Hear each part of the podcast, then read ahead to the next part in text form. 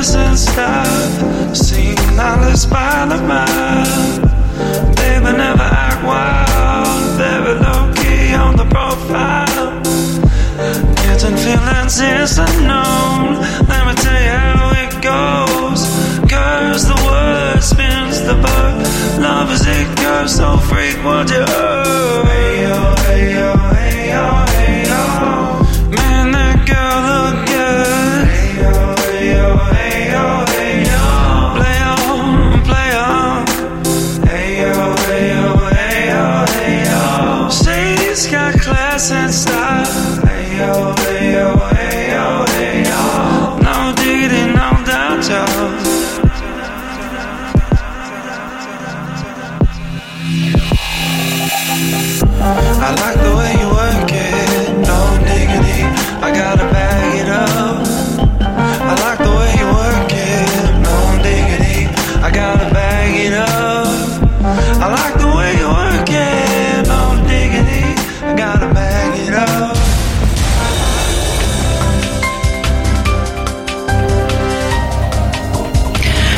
Wybiła godzina 17. Z Państwem wita się Karolina Rogaska, jak w każdy poniedziałek.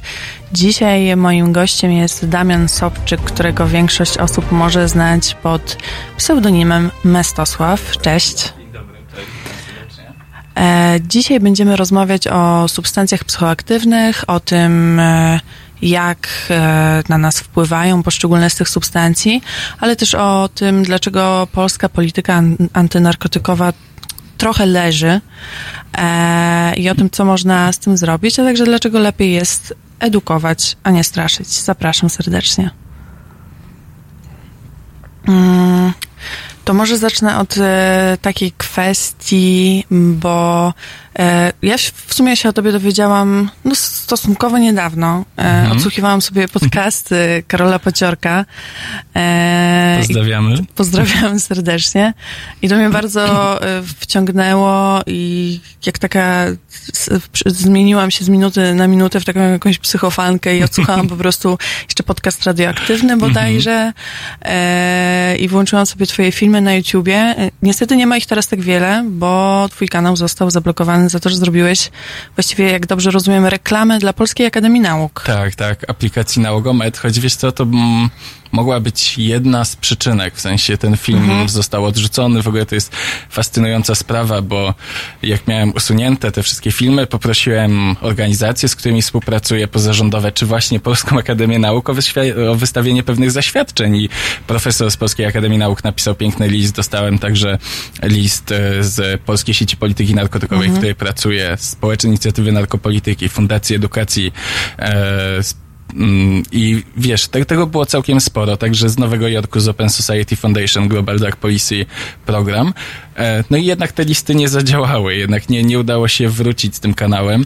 Powiem szczerze, że do dzisiaj nie będę wiedział dokładnie dlaczego i fajnie by było rzeczywiście móc mieć tamten kanał, bo jak wiesz, on miał tam 137 tysięcy subskrybentów, 9 i pół miliona wyświetleń, więc widać, że te informacje były potrzebne i ludzie chętnie z nich korzystali. No ale całe szczęście mam właśnie ten drugi kanał, kanał Mestosław, teraz tam jest chyba 35 tysięcy osób, więc wiesz, jeszcze chwila i myślę, że się odrobię.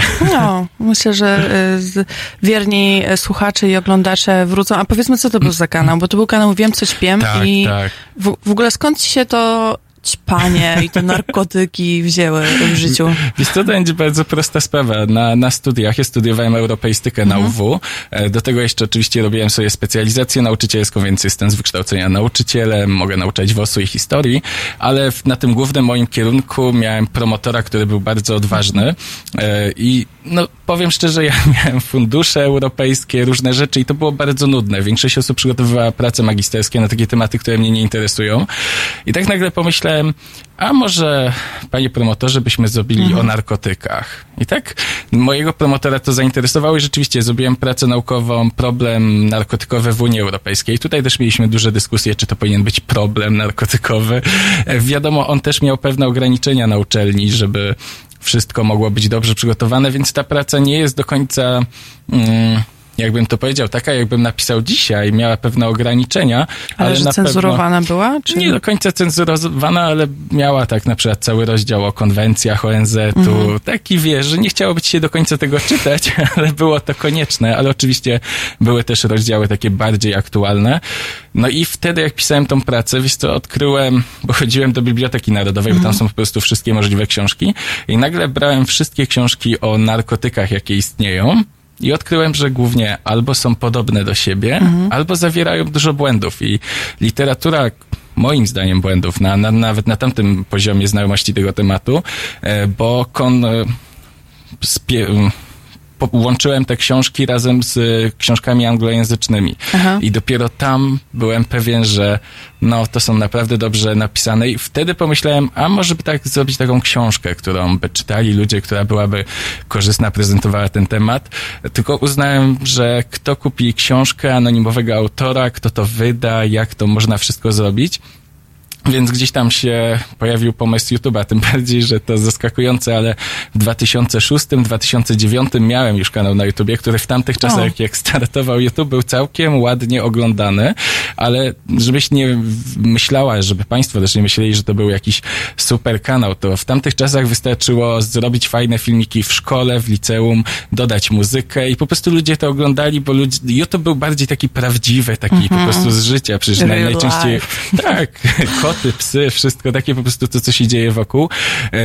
Niedawno nawet szukałem czegoś e, i na mailu znalazłem e, wiadomość, którą komuś wysłałem, że się cieszę, że mam 9 milionów wyświetleń. Jak ja sobie teraz pomyślę, ja miałem teraz 9 milionów, a co w tamtych czasach e, to było sporo i uwaga, tamten kanał też został skasowany. Ale Tylko- tam też było o substancjach? nie, nie, Nie. to było takie o życiu, troszkę vlogowania, takie szkoła, liceum, problemy nastolatków, różne takie rzeczy. Cześć, zobaczcie, co mam w plecaku. No, nie aż w tą stronę, bo YouTube się teraz tak rozwinął. Wtedy to było bardziej e, zabawne filmiki ze szkoły połączone z muzyką. E, wtedy, właśnie, połączone z muzyką, bo wtedy straciłem kanał za brak praw do muzyki. E, tak, i też miałem małego pecha, bo parę miesięcy później YouTube zmienił swoją politykę, że już można było używać cudzej muzyki, tylko po prostu pojawiała się informacja, co to jest za utwór i że można go kupić. E, więc niestety, i wtedy przez te lata się obraziłem na YouTube. Ja prawie nie oglądałem żadnych filmów, więc ten powrót też był po wielu, wielu latach. YouTube obecnie wygląda kompletnie inaczej. No to jest już tak, że sporo youtuberów, którzy mają dużą oglądalność, to już są takie wieloosobowe firmy nawet. Oni zatrudniają po kilka osób. To jest zdecydowanie co innego niż jak to startowało. No ale właśnie gdzieś pojawił się ten pomysł, żeby zacząć nagrywać filmy, tylko po prostu wiesz co, obawiałem się, że wpłynie to negatywnie na moją pracę. E, że pokazanie się z tematem narkotyków. Ja wtedy pracowałem w wydawnictwie, e, wydawałem publikacje, które ukazywały się w Gazecie Wyborczej, w Rzeczpospolitej, więc to było jednak tak, że było duże ryzyko, tym bardziej, że publikacje dotyczyły kwestii medycznych. Miałem współpracę z firmami farmaceutycznymi i moje szefostwo gdzieś tam obawiało się, że mogłoby to negatywnie wpłynąć na kontrakty. No i jak może wiesz, a państwo mogą nie wiedzieć, e, niestety zostałem zwolniony z pracy z tego powodu, więc miałem do wyboru albo zajmuję się dalej kanałem, albo rezygnuję z pracy. No i wtedy to był październik 2017. Wybrałem jednak pracę nad kanałem. I też e, współpracujesz z różnymi enjoys, e, Tak. enjoysami, Boże, sorry, e, z organizacjami pozarządowymi. Tak, tak, tak, ale to gdzieś pojawiło się po już starcie kanału. Mhm. Ja oczywiście, no jak byłem studentem od lat, e, obserwowałem chociażby studencką inicjatywę narkopolityki, teraz to jest społeczna inicjatywa narkopolityki, Mhm. mi jest w ogóle bardzo blisko do tej organizacji, jeżeli chodzi o zamysł, redukcja szkód, party working, dbanie o młodzież, e, ale gdzieś tak w w trakcie trwania kanału nawiązałem współpracę z Polską Siecią Polityki Narkotykowej.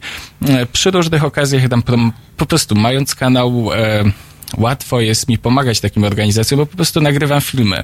Jest na przykład akcja międzynarodowa Support Don't Punish, y, gdzie się wspiera osoby uzależnione w dostępie do leczenia i w ogóle walczy się z tym, żeby takich osób nie karać. To po prostu nagrywałem film i nagle te organizacje odkrywały, podobnie z Cinem było, że w jeden dzień na przykład udaje im się znaleźć 200 ochotników, których szukali do wypełnienia jakichś testów. E, To, to, to było dla nich zaskakujące, a ja bardzo się cieszyłem, że mogę tak pomóc. No i od jednej współpracy do kolejnej Publicznej. Tak naprawdę z Polską Siecią Polityki Narkotykowej związałem się już w lutym 2018, tak można powiedzieć, że na stałe przy różnych akcjach. Teraz też jest ciekawy moment, bo wystartowaliśmy tak chyba trzy tygodnie temu z Polskim Towarzystwem Psychodelicznym. Więc to jest bardzo ciekawa inicjatywa, którą stworzyliśmy. Ona zrzesza w Polsce osoby, które są zainteresowane rozwojem nauki psychodelicznej. Ma oczywiście swoje e, cele. Tutaj dla Państwa, którzy mogą nie wiedzieć, psychodeliki to są takie substancje jak na przykład grzyby psylocybinowe, LSD, czy nawet czasem także MDMA, choć tutaj to jest takie poboczne troszkę, ale te substancje za granicą już mają udowodnione działanie lecznicze, już są na etapie rejestracji leków, no i my jako towarzystwo będziemy o to zabiegać, żeby w Polsce było podobnie. E, zaraz więcej właśnie o samych substancjach e, porozmawiamy. E, a teraz e, zagra Tins Anderson Pack.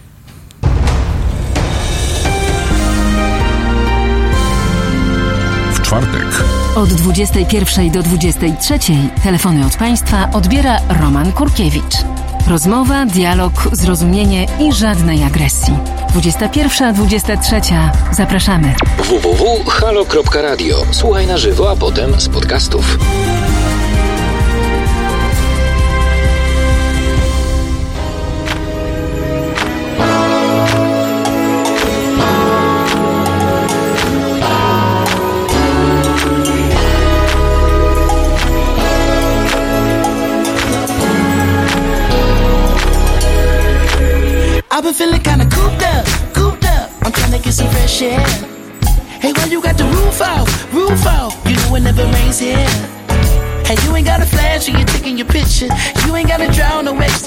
Paparazzi wanna shoot ya, shoot ya. Niggas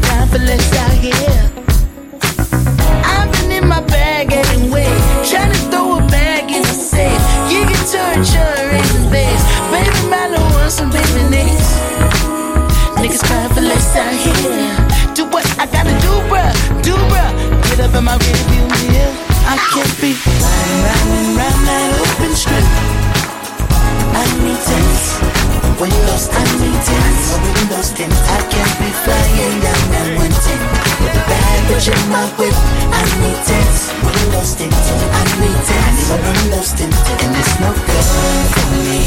It's so good for them. I need dance, but I'm lost in I need dance, but I'm lost in I've got way too much to lose. So real quick, real quick, real quick. I need dance, but I'm lost in I need dance, but I'm lost in you probably think a nigga trolling. Like, or showing out for the cameras. Right.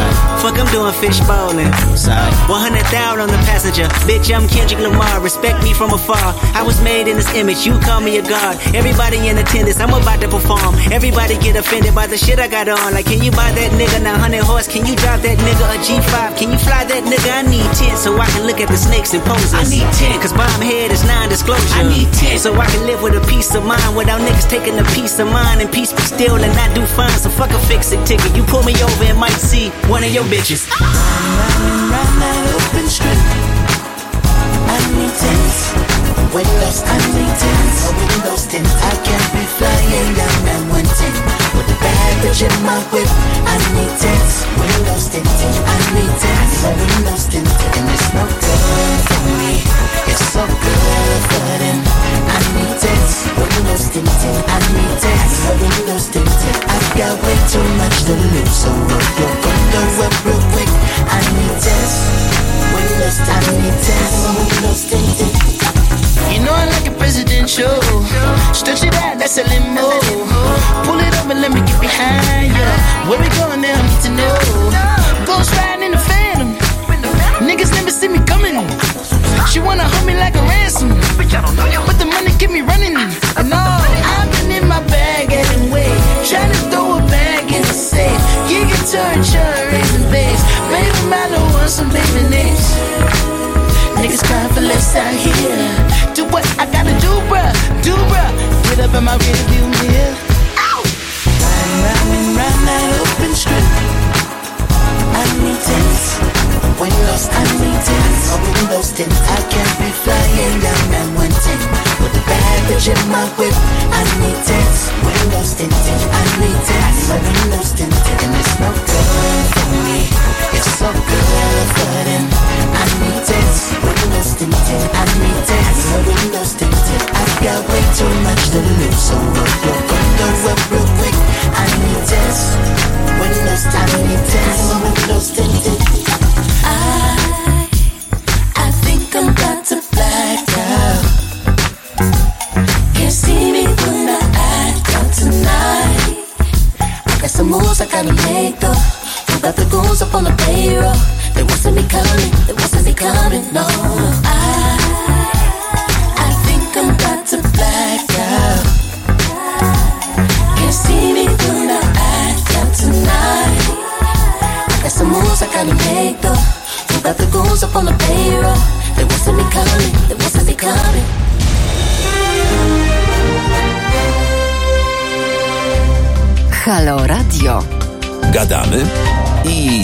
trochę gramy.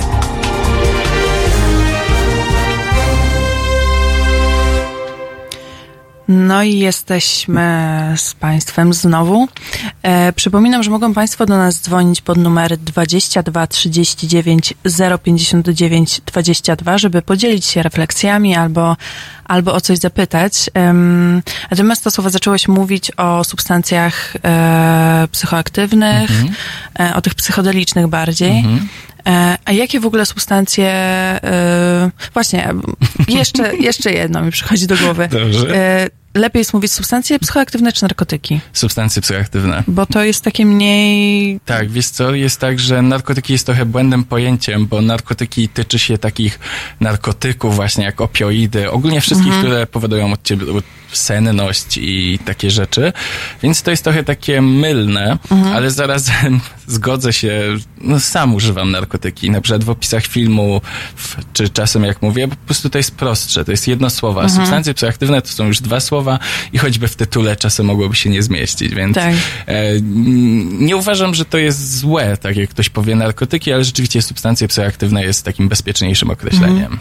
A jakie substancje psychoaktywne są najpopularniejsze w Polsce? W Polsce e, alkohol, kofeina, e, potem będzie pewnie marihuana. Więc e, to, to jest taka złota trójka. Oj, przepraszam, zapomniałem o jeszcze jednej kluczowej substancji, czyli nikotyna. A, I no będzie alkohol, może nawet bardziej kofeina, alkohol, nikotyna i marihuana. Mhm. To jest taka czwórka w Polsce.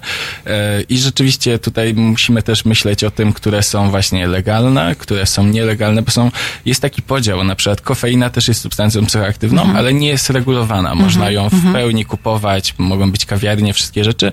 Alkohol i nikotyna już jest poddana kontroli państwa, a marihuana jest zakazana, jest kompletnie poza systemem, więc Mhm. nie ma legalnej sprzedaży. E, a także są problemy prawne w przypadku posiadania jej.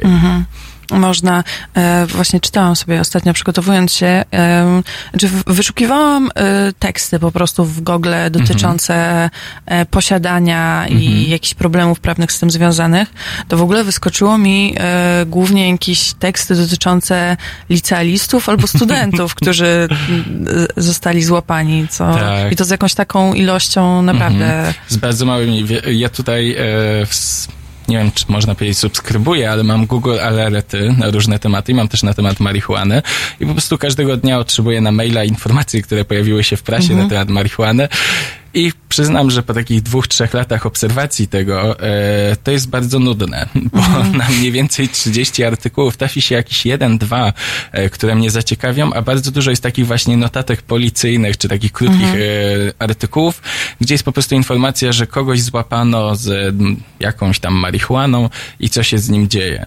I rzeczywiście jest tak, że bardzo dużo młodych osób e, zostaje złapanych i z ilościami typu pół grama, jeden gram, czasem jest informacja o nabitej lówce i wszystkie się kończą zawsze tym, że podejrzanym grozi do trzech lat więzienia. To jest taki typowo straszący e, materiał i rzeczywiście e, gdzieś tam w moim myśleniu i także w organizacji, w której pracuję, kryminalizacja tych substancji to jest jedna z najgorszych rzeczy, która nas spotkała, bo mamy przykłady, my mamy kryminalizację od 18 lat. Bo wcześniej było troszkę inaczej, można było posiadać, e, teraz mamy kryminalizację i w tym samym czasie na przykład Portugalia wprowadziła dekryminalizację wszystkich narkotyków, bo oni mieli bardzo duży problem z osobami używającymi heroiny i tak w pewnym momencie zrobili po prostu wielkie gremium ludzi, którzy mieli podjąć decyzję, co z tym dalej i im wyszło, że no nie mamy już nic do stracenia, zaryzykujmy po prostu, niech każdy sobie posiada, co chce, ale jeżeli go złapiemy, to nie jest tak, że on trafia za kratki albo do policji,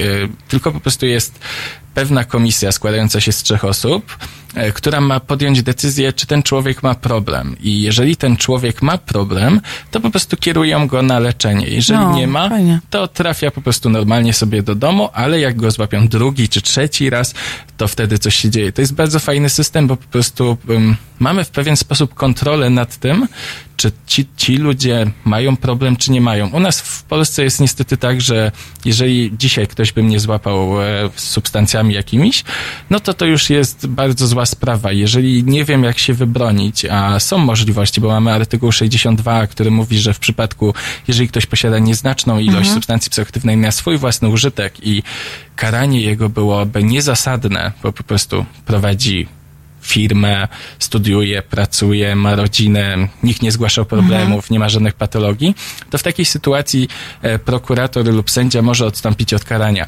Tylko cały czas to jest może odstąpić i cały czas trzeba podjąć pewne kroki prawne, które mogą być dla części osób skomplikowane i część osób może po prostu przyznać się do tego i przyjąć karę, a kara to jest albo grzywna, albo pozbawienie wolności, albo właśnie nawet więzienie w najbardziej radykalnych przypadkach.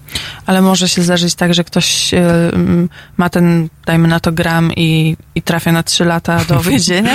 E, W sytuacji, kiedy mamy przepełnione więzienia w Polsce e, i bardzo dużo skazańców, to jest dość mało prawdopodobne, ale na pewno są takie sytuacje, bo my mieliśmy w fundacji e, przypadki, mie- mieliśmy bardzo fajną dziewczynę, która zajmowała się takimi e, więźniami, bo to już był projekt dotyczący więźniów i pomagała im tak jakby naprawić ich sprawy.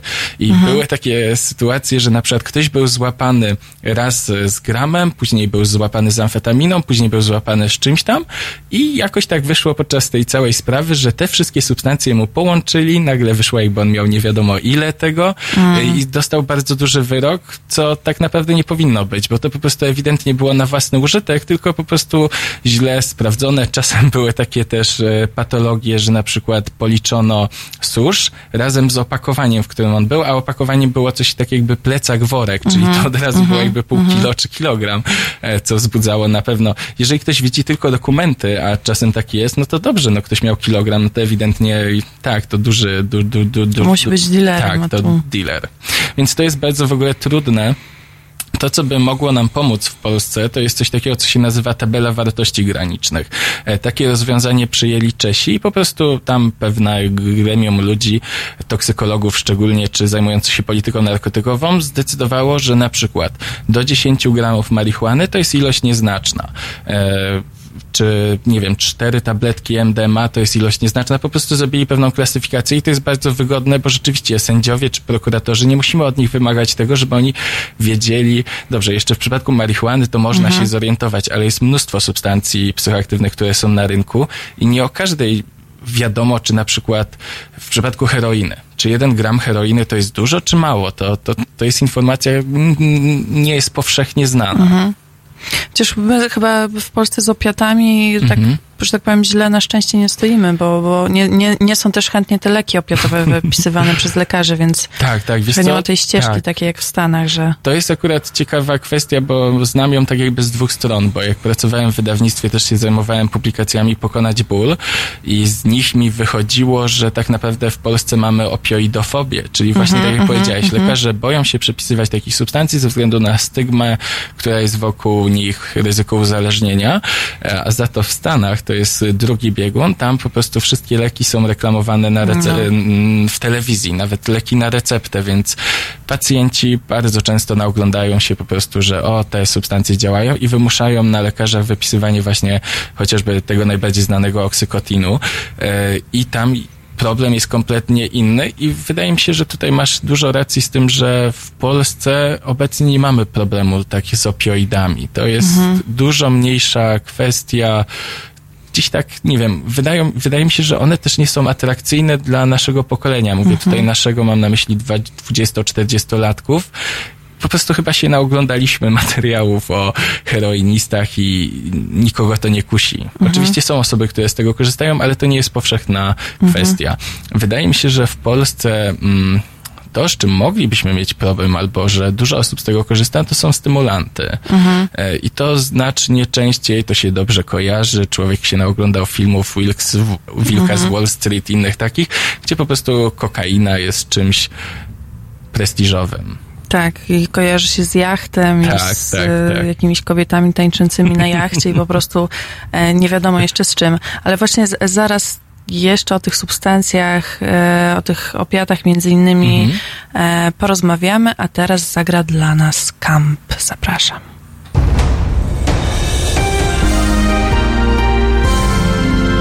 W środę Od 21 do 23 telefony od Państwa odbiera dr Tomasz Kowalczuk, politolog i filozof.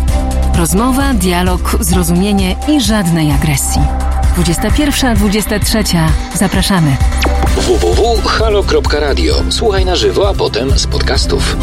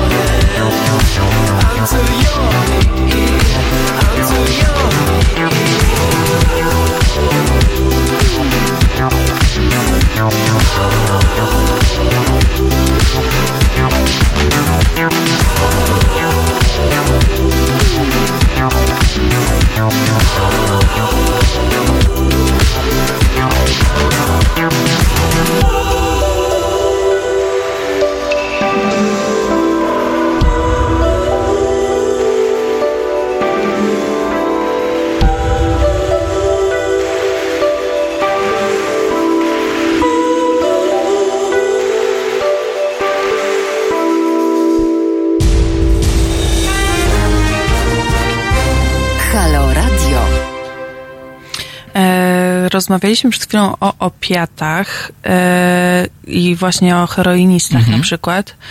E, I to mi się kojarzy od razu z takim obrazkiem, e, gdzieś, chyba to było w liceum, ze spotkania z takim panem, który był uzależniony i z tego wyszedł, ale widać, że był taki zmarnowany życiem, bardzo wychudzony. E, no i powiedział, że to się tak zaczęło, że najpierw jakieś piwko, marihuana, no i w ogóle poszło dalej i to była taka przerażająca wizja, że ja sobie myślałam, matko boska. E, I te, taką miałam w ogóle przez, je- jeszcze przez kilka lat studiów, taką dużą narkofobię, że jak słyszałam albo widziałam, że ktoś coś gdzieś, to myślałam, "Jezu, ci ludzie to prosta droga do degeneracji po prostu, nie wiedzą co czynią. E, ale zastanawiam się, na ile jest w tym prawdy, że jakby zapalenie marihuany może doprowadzić do tego, że później po prostu będziemy siedzieć ze strzykawką i, i sobie coś tam robić. Jest to, to jest bardzo ciekawe zagadnienie i tutaj myślę, że podobne doświadczenie jak ty ma większość z Państwa. Ja, ja- jak o tym powiedziałeś, to ja się uśmiechnąłem, bo ja pamiętam takie same rzeczy z gimnazjum mojego, gdzie siedzimy wszyscy na wielkiej hali, właśnie przyjechał pan z Monaru opowiadać o swoim życiu, wyglądał bardzo źle. Pamiętam tylko też, że mm, odbiór jego był taki trochę, że heheszki sobie trochę robiliśmy, trochę rzeczywiście gdzieś tam e, jednak gdzieś to dało do myślenia. I ja w ogóle, to, to może być zabawne, ale ja zapaliłem marihuanę między gimnazjum a liceum w jakiejś takiej sytuacji imprezowej, ze starszymi kolegami, bardzo mi się to nie podobało, byłem bardzo przestraszony, spędziłem mnóstwo czasu w łazience, myśląc w ogóle, co ja zrobiłem, najgorszego, wiesz, wszystkie takie schematy, które miałem wokół tego i pewnie tego pana z Monaru inne rzeczy, od razu mi się, jak ja powiem mamie, co się dzieje, w ogóle, a może coś mi się stanie.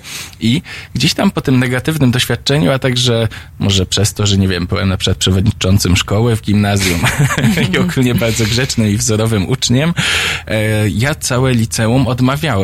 W ogóle nie korzystałem z tego w liceum, nie uważałem, że to jest coś atrakcyjnego. I wróciłem do tego na pierwszym roku studiów. E, I wtedy przyznam, że może już tak będąc starszym, nieobciążonym też tym, że się obawiam komuś, jestem po prostu studentem, mogę podejmować, mam już pewnie z 20 lat wtedy, albo no 19-20, to już nie, nie bałem się i to doświadczenie było bardzo pozytywne i to też dla mnie był ciekawy sygnał, dlaczego to było aż tak demonizowane. Zacząłem wtedy też oczywiście więcej czytać, już miałem jakąś wiedzę teoretyczną e, na ten temat.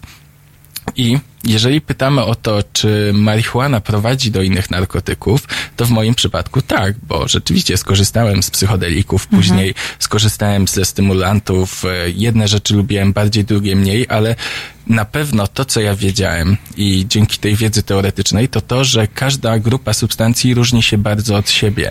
I to myślę, że jest kluczowe w wiedzy na temat narkotyków czy substancji psychoaktywnych, bo ja nawet, słuchaj, słuchaj, przepraszam państwa, ale też e, ja, e, jak byłem przewodniczącym w gimnazjum, robiłem akcję antynarkotykową w szkole. I ja do dzisiaj pamiętam mniej więcej jakie dostawaliśmy plakaty i pracy, to najczęściej była przekreślona marihuana, przekreślona strzykawka, takie po prostu nie bierz, nie bierz, nie bierz.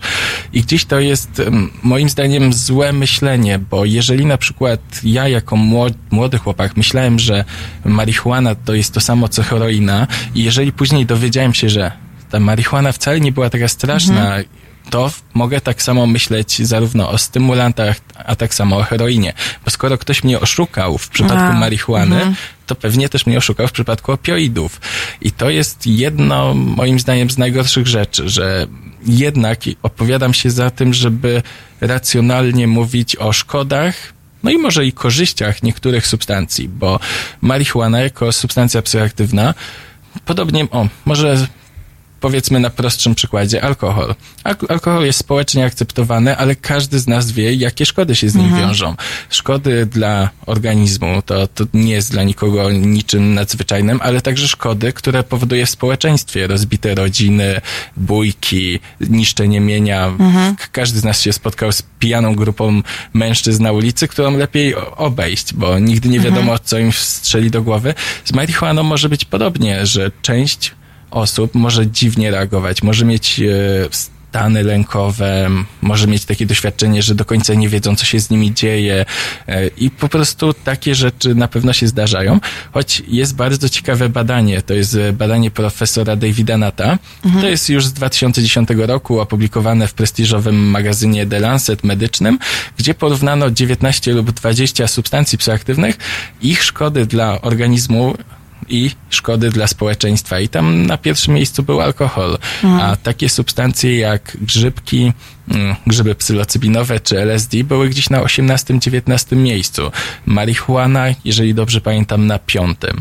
Więc widać tutaj, że to, czy na przykład substancja jest zakazana, czy nie, to w dużej mierze zależy od uprzedzeń, a nie do końca od tego, jak realnie wynika, wychodzi to w badaniach. No ale może nam jakoś ta marihuana zaszkodzić, jeśli jej używamy? Tak, tak, tak. To, to z, je- jeżeli ktoś by mówił, że nie, to najczęściej jest bardzo silnym zwolennikiem konopi, ale ja, ja się z tym nie zgadzam, bo e, marihuana, jak każda substancja tutaj, oczywiście to będzie jakiś radykalny przykład, ale gdzieś tam się zawsze podaje, że na przykład, nie wiem, jak człowiek wypije 7 litrów wody, to też nie skończy za dobrze, ale ja uważam, że so, trzeba na to spojrzeć w, w kilku kwestiach, bo na przykład często jest po prostu kwestia uzależnienia i czy człowiek jest w stanie uzależnić się od marihuany, bo zawsze oceniamy substancje, czy można się od nich uzależnić. No i oczywiście są narkotyki twarde, e, najczęściej tak się mówi o nich, te, które właśnie uzależniają fizycznie. I tu mamy nikotynę, alkohol, opioidy. Marihuana nie uzależnia fizycznie, więc to jest jej plus zdecydowany, ale może uzależnić psychicznie. I jeżeli ktoś jest na przykład e, w słabym momencie życia, dajmy na to, nie ma jakichś bogatych więzi ze swoimi rówieśnikami czy z rodziną, to może popaść w uzależnienie od marihuany, po prostu ona mu daje ulgę, ona mu zapewnia czas wolny, a także rozrywkę, e, a do tego na przykład palenie marihuany może mieć negatywny wpływ na e, płuca, na, na w ogóle na nasze zdrowie w takim względzie po prostu e, układu naszego, naszego ciała, ale ja bym nie patrzył, nie, na pewno bym nie demonizował marihuany. I jedyne co, to jest e, kwestia powiązania z wiekiem. Ja dlatego bardzo się cieszę, że tak naprawdę zacząłem palić marihuanę w wieku 20 lat, bo jeżeli człowiek zacznie w wieku 13, 14, 16, to ma bardzo duże ryzyko, po pierwsze, że pozostanie z nim na całe życie, czyli uzależnienia, a po drugie, w momencie, kiedy rozwija się nas, nasz mózg, to jest bardzo niekorzystne korzystać z marihuany, więc jeżeli mógłbym kiedykolwiek, kogokolwiek prosić o to a propos korzystania z marihuany, to najlepiej zacząć po 18 albo po 20. Nie ma sensu korzystać z marihuany wcześniej, tak samo jak z alkoholu czy z nikotyny. Po prostu są ciekawsze rzeczy w momencie, kiedy jesteśmy młodsi.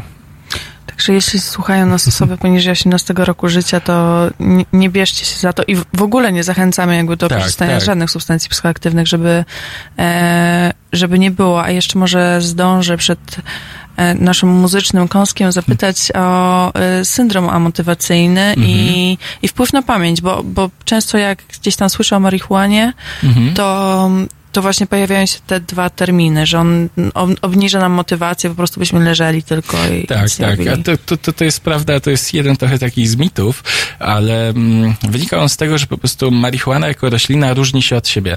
To nie jest do końca tak jak z alkoholem, że to jest po prostu alkohol etylowy, tylko w zależności od odmiany marihuana może mieć działanie bardziej relaksujące, usypiające, takie kanapowe, a może być też taka pobudzająca i kreatywna, ale my w Polsce też nie mamy wyboru. To też nie jest tak, że ktoś z użytkowników w Polsce takich standardowych może sobie wybrać, więc dostajemy to, co jest. No i często właśnie króluje indyka, która po prostu powoduje, że ciężko jest wstać z kanapy. Ej, To na pewno działa.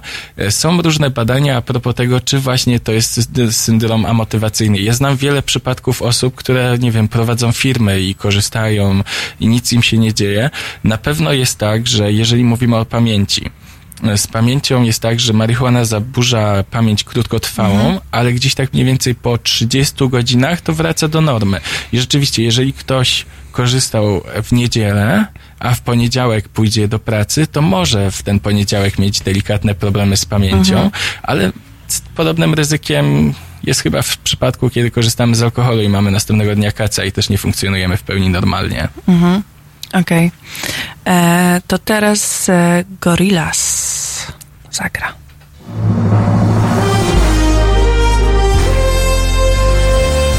Środę Od 7 do 10 o kawę, informacje niekoniecznie straszne i dobry humor zadba Marika Krajniewska, która o polityce wie niewiele, ale liczy na Państwa. 7.10. www.halo.radio. Słuchaj na żywo, a potem z podcastów.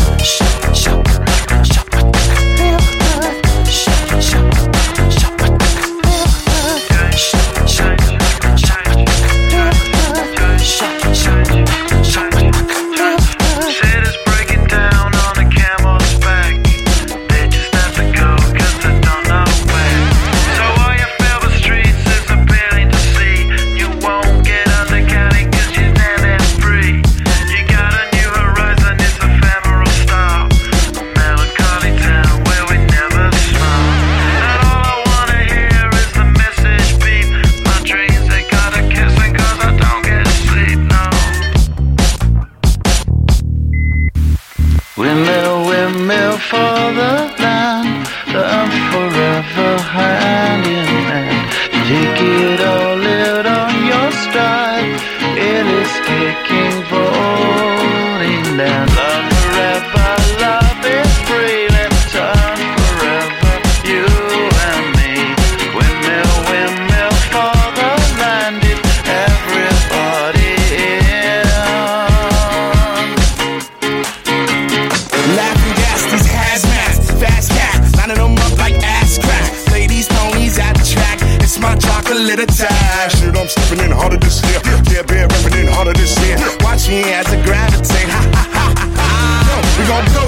this Motown with your sound. You in the blink, gon' bite the dust, can't fight with us. With your sound, you kill the ink. So don't stop, get it, get it. Until you chat ahead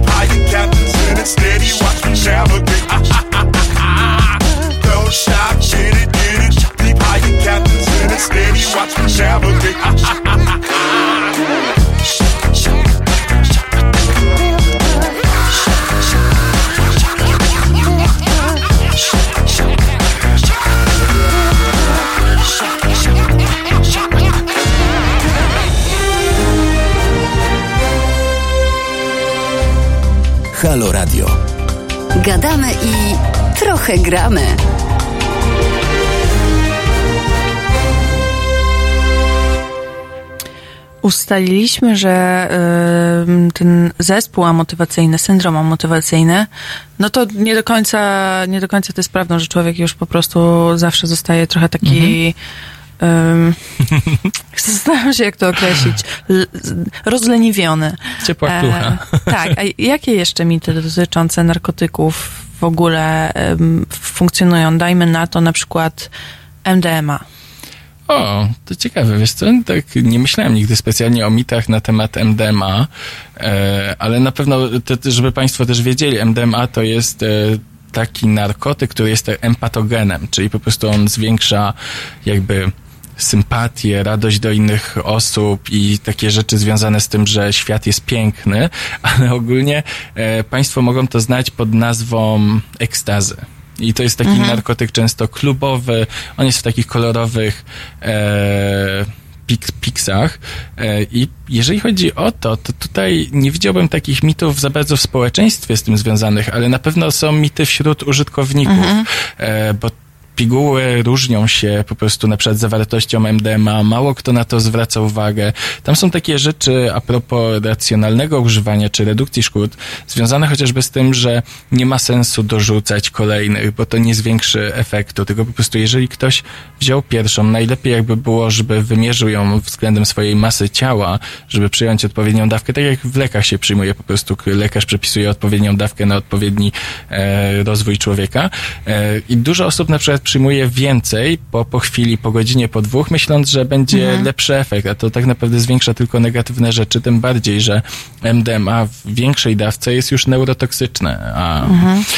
Trochę mam wrażenie, że o właśnie, to może być nawet mit, że wśród użytkowników, i to spotykałem się też w komentarzach, kiedy mówiłem o tych szkodach, Mhm. to ktoś mi pisał, no ale przecież ja zjadłem cztery i nic mi się nie stało. No i oczywiście na takim wizyjnym patrzeniu na człowieka, no nic mu się nie stało, nie wykręciły mu się oczy, Mhm. nie wykręciła mu się ręka, ale on nie ma świadomości, że w tym momencie na przykład stracił różne rzeczy w mózgu i po prostu na Mhm. długofalowo sobie zaszkodził. Mhm. Więc nie zawsze to są takie bardzo widoczne szkody, e, ale rzeczywiście każda substancja i tutaj MDMA, która teraz jest, tak jak wspomniałem na samym początku, już w Stanach Zjednoczonych za chwilę będzie lekiem na zespół stresu pourazowego, Mhm. e, ale także właśnie jak każdy lek, a każdy, każdy lek, jak Państwo sobie spojrzą w swoją apteczkę w domu i wyciągną paracetamol, czy szczególnie leki na receptę, każda z nich ma skutki uboczne, tylko po prostu te skutki uboczne się trafiają u jednej na 100 osób, u jednej na 1000, u jednej na 10 Mhm. tysięcy. I w zależności od tego, jak skomplikowany jest lek, to może mieć właśnie takie skutki częste. I skutkami częstymi w przypadku MDMA to jest na przykład odwodnienie, e, różne kwestie kardiologiczne i tutaj najważniejsza rzecz, jeżeli chodzi też o edukację narkotykową, to jest to, że nie mamy informacji takich powszechnie dostępnych, na przykład kto nie powinien w ogóle korzystać z substancji psychoaktywnych, bo na przykład jeżeli ktoś ma mm, chociażby ryzyko choroby psychicznej, typu, dajmy na to, dziadek miał schizofrenię, Mhm. to on w ogóle nie powinien się nigdy bawić w narkotyki, bo po prostu istnieje ryzyko, że wtedy taka choroba się rozwinie u niego. W sensie nawet nie do końca, że rozwinie, ale na przykład uaktywni. To będzie takim triggerem Tak, do, tak, do... dokładnie. Mhm. Dokładnie, bo to, to nie jest tak, że ona spowoduje tą chorobę, ale po prostu ją uaktywni. Tu oczywiście część osób, na przykład są też teorie, które mówią, że dobrze, że ta na przykład choroba się uaktywni we wcześniejszym wieku, bo wtedy szybciej podejmiemy leczenie i tak dalej. Ale zarazem jest Nie wiem, czy to tak działa niestety. Tak, a zarazem jest teoria, że no, ale może tak to by nigdy w życiu się nie uaktywniła. Więc tutaj jest bardzo dyskusyjna sprawa, ale na pewno takie osoby nie powinny korzystać tak samo osoby, które na przykład przechodzą trudny okres w życiu, no, narkotyki nie są remedium na to, tak naprawdę pogłębią w głównej mierze Mhm. problemy albo oddalą te problemy na jakiś czas. Mhm, a później one w, w, wrócą ze zdwojoną Tak, siłą. tak, tak. Ale powiedziałeś, że w tych y, y, pigułkach jest różna zawartość jakiejś substancji. MDMA, tak. Aha. Tak, bo to, to jest tak, że to jest główny taki składnik aktywny, Mhm. taki najbardziej bym powiedział, że pożądany i po prostu mm, oprócz tego MDMA są różne inne wypełniacze, ale czasem e, przez to, że po prostu one są kolorowe i w różnych kształtach, e, tak naprawdę może być tam wszystko i są bardzo takie fajne testy i tutaj bardzo polecam, jeżeli chodzi o redukcję szkód. E, jedna z organizacji Społeczna Inicjatywa Narkopolityki je produkuje i promuje w Polsce i przy okazji tych testów kolorymetrycznych można sprawdzić, czy w danej właśnie pigułę, le, czy ogólnie w jakimkolwiek narkotyku jest to, czego się spodziewamy. Mhm. I to jest w ogóle fascynująca sprawa, bo te testy, takie jednorazowe sprawdzenie, to jest może koszt około 3-5 zł. Wi- Wiadomo, że jeżeli kupuje się pełen zestaw, to on starcza na bardzo długo, ale i wtedy koszt jednorazowego Mhm. testu to może być nawet 10 groszy, ale najważniejszą sprawą jest taką, i to zostało też sprawdzone w Wielkiej Brytanii, że jeżeli ktoś ma jakąś substancję i ona nie okazuje się MDMA, tylko na przykład PMA, które jest szkodliwe i w ogóle wystarczy wpisać w internet i od razu temu komuś Mhm. wyskoczy, że lepiej tego nie bierz nigdy w życiu, to większość osób rezygnuje z tych substancji. I nie jest tak, że po prostu ktoś coś ma i na pewno weźmie, nawet jeżeli wyjdzie mu nie tak. Ludzie jednak mają instynkt zachowawczy Mhm. i jeżeli to nie jest dokładnie to, to, to rezygnują. I tutaj bardzo trzymam kciuki też za rozwój e, narkopolityki w Polsce pod względem testowania substancji, żeby to się stało czymś powszechnym, obecnym na festiwalach. Tak samo stało się właśnie w Wielkiej Brytanii. No, co prawda po serii śmierci, e, No. które wydarzyły się na festiwalach. To jest kol- kolejny przykład, gdzie no, tak jakby już no, jesteśmy w tak złym położeniu, po prostu mamy wielką aferę medialną, że po prostu ludzie umierają na festiwalach.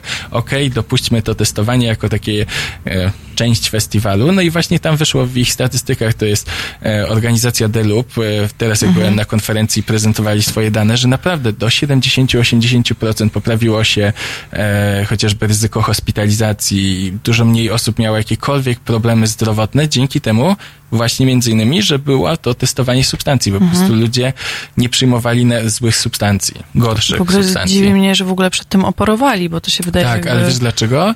E, wydaje mi się, że głównie, że w momencie, kiedy jest stoisko e, z testowaniem substancji psychoaktywnych narkotyków, to festiwal obawia się, że tak naprawdę wysyła sygnał, że no to jest festiwal Zapraszamy narkotykowy. do- Tak, Mhm. tak. A to tak nie działa. No, te narkotyki na festiwalach się pojawiają, tak samo one są na festiwalach w Polsce. To nikogo nie dziwi. Na, nawet jeżeli ktoś się orientuje w festiwalach trochę, to jest w stanie powiedzieć, o, że ten festiwal jest taki bardziej, nie, nie chcę wymieniać nas może, e, jest taki bardziej stymulantowy, na tym raczej psychodeliki, a ten jest dla użytkowników marihuany. I to, to jest jasne dla każdego, kto jeździ na festiwale. Mhm. Rzeczywiście, jest coś takiego, że wystarczy, że się usłyszy nazwę i ona się już jakoś tam Tak, wiąże, tak. nawet jeśli ktoś nie jest w ogóle użytkownikiem, Tak, to tak, jakby tak. już jest tak w społeczeństwo mocno... Tak, to e, nawet widać, jeżeli ktoś, nie wiem, korzysta z grup na Facebooku dotyczących tych festiwali, czy tak, szczególnie na grupach, no to widać nawet, e, co fani tych festiwali wrzucają jako memy, czy inne rzeczy. I to jest wtedy jasne, jaki jest profil. A, i żeby było tutaj, e, jako ciekawostkę dodam, że na przykład zrobiono badania na ten temat. E, nie wiem w którym kraju, ale gdzieś w Europie chyba, z, naukowcy zastanawiali się właśnie, jakie narkotyki są przyjmowane na jakich festiwalach i tak wymyślili sobie, że nie zrobią ankiet ani innych rzeczy, tylko po prostu sprawdzą wszystkie zdjęcia na Instagramie z danym hashtagiem festiwalu i jakie substancje się pojawiły w innych hashtagach. No i wtedy zrobili profil, na jakich festiwalach najczęściej jakie substancje są oznaczane. To było też mega ciekawe. W ogóle to jest ciekawe, że ludzie hasz, hashtagują Tak. substancje. Zaskakujące trochę, ale prawda, sporo takich rzeczy się pojawia. Ja, ja unikam tego już, bo e, Państwo mogą nie wiedzieć, ale oprócz tego, że usunęli mi kanał na YouTubie, to także straciłem kiedyś konto na Instagramie i kiedyś konto też na Facebooku i wtedy zakładałem właśnie, dlatego nie wiem, bo robiłem post o MDMA, dałem te hashtagi MDMA Mhm, i wydaje mi się, że po tym mogłem stracić, po prostu z automatu trochę, E, więc uważam, że ktoś mógł pomyśleć na przykład, że skoro tak dużo mam hashtagów narkotyki, MDMA, marihuana, to pewnie handluję nimi. To taki prosty Także nie tylko e, uważajcie i sprawdzajcie dokładnie, co bierzecie. Przypomnijmy e, testy na stronie Społecznej Inicjatywy Narkopolityki. Dokładnie tak. E, I to są bardzo proste instrukcje. Tak naprawdę można też ściągnąć aplikację na telefon, która krok po kroku Mhm. pomoże, bo na pierwszy rzut oka może to się wydawać trudne, ale tak to, to jest coś, co warto się do tego przyłożyć i warto poświęcić te 15 minut, bo naprawdę można pomóc sobie albo koledze. Bo gra toczy się o życie. Tak. Nie, ale brzmi to, brzmi tak patetycznie brzmi to bardzo, patetycznie, ale... biorąc pod uwagę nawet e, mój kanał, e, bo dostaję też wiadomości Mhm. od widzów, e, które są też bardzo miłe, bo często dostałem takie, że dzięki informacjom na moim Mhm. kanale, na przykład ktoś nie popełnił błędu. Parę osób też właśnie tak patetycznie napisało, że teraz mam dreszcze, jak o tym mówię, ale że uratowałem ich życie w ten sposób. Więc to jest coś, co rzeczywiście trzeba mieć na uwadze zdrowie Mhm. i życie, że, że rzeczywiście narkotyki mogą pomóc, mogą zaszkodzić. Wszystko zależy, jak do nich podchodzimy i jakie to są substancje. To jest bardzo szeroki zakres substancji. Właśnie, a ja jeszcze będę chciała za chwilkę o te substancje różne domieszki dopytać, a teraz zagra nam witamina i pornosy.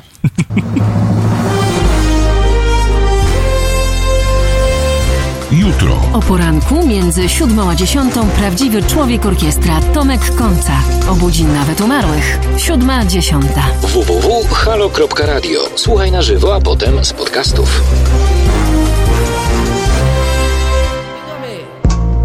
Wchodzę do miejsca, gdzie kolejka łamie się w połowie, drugą częściowa za rogiem, ale mnie to nie dotyczy, nie. Ja se wchodzę kiedy chcę i na papsa w tej we w tej idę. Nikt mnie nie szturcha i jest miejsca w brud. Nie to nie cud, że mam drina w parę sekund. Chyba barowy kojarzy mą twarz Widział w teledyskach, a teraz bliska ja A teraz bliska ja. A teraz bliska ja. A teraz bliska ja. Mm.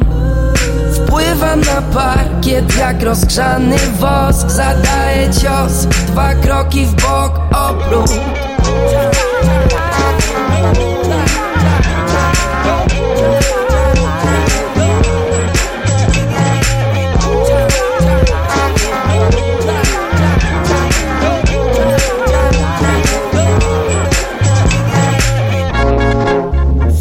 Wpadłaś mi w oko i lepiej wyjść.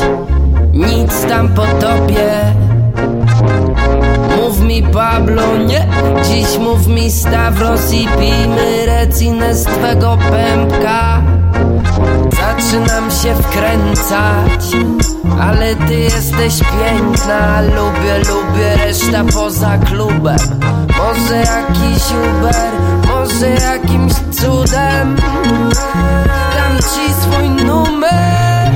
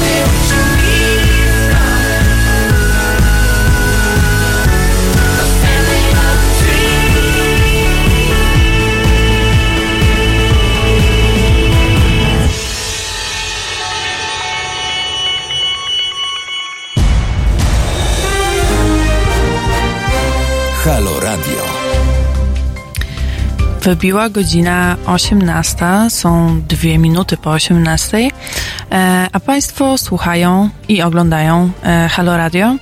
E, z Państwem jest Karolina Rogaska i Mestosław. E, czyli Damian Sobczyk, ale większość ludzi go zna pod tą ksywą e. Mestosław i rozmawiamy o substancjach psychoaktywnych, e, o tym, jaki mają wpływ na ludzi. E, też obalamy jakieś mity dotyczące substancji e, psychoaktywnych. Zastanawiamy się też nad tym, e, dlaczego polityka antynarkotykowa w Polsce wygląda tak, a nie inaczej i czy to w jaki sposób funkcjonuje, rzeczywiście działa tak, jak powinno.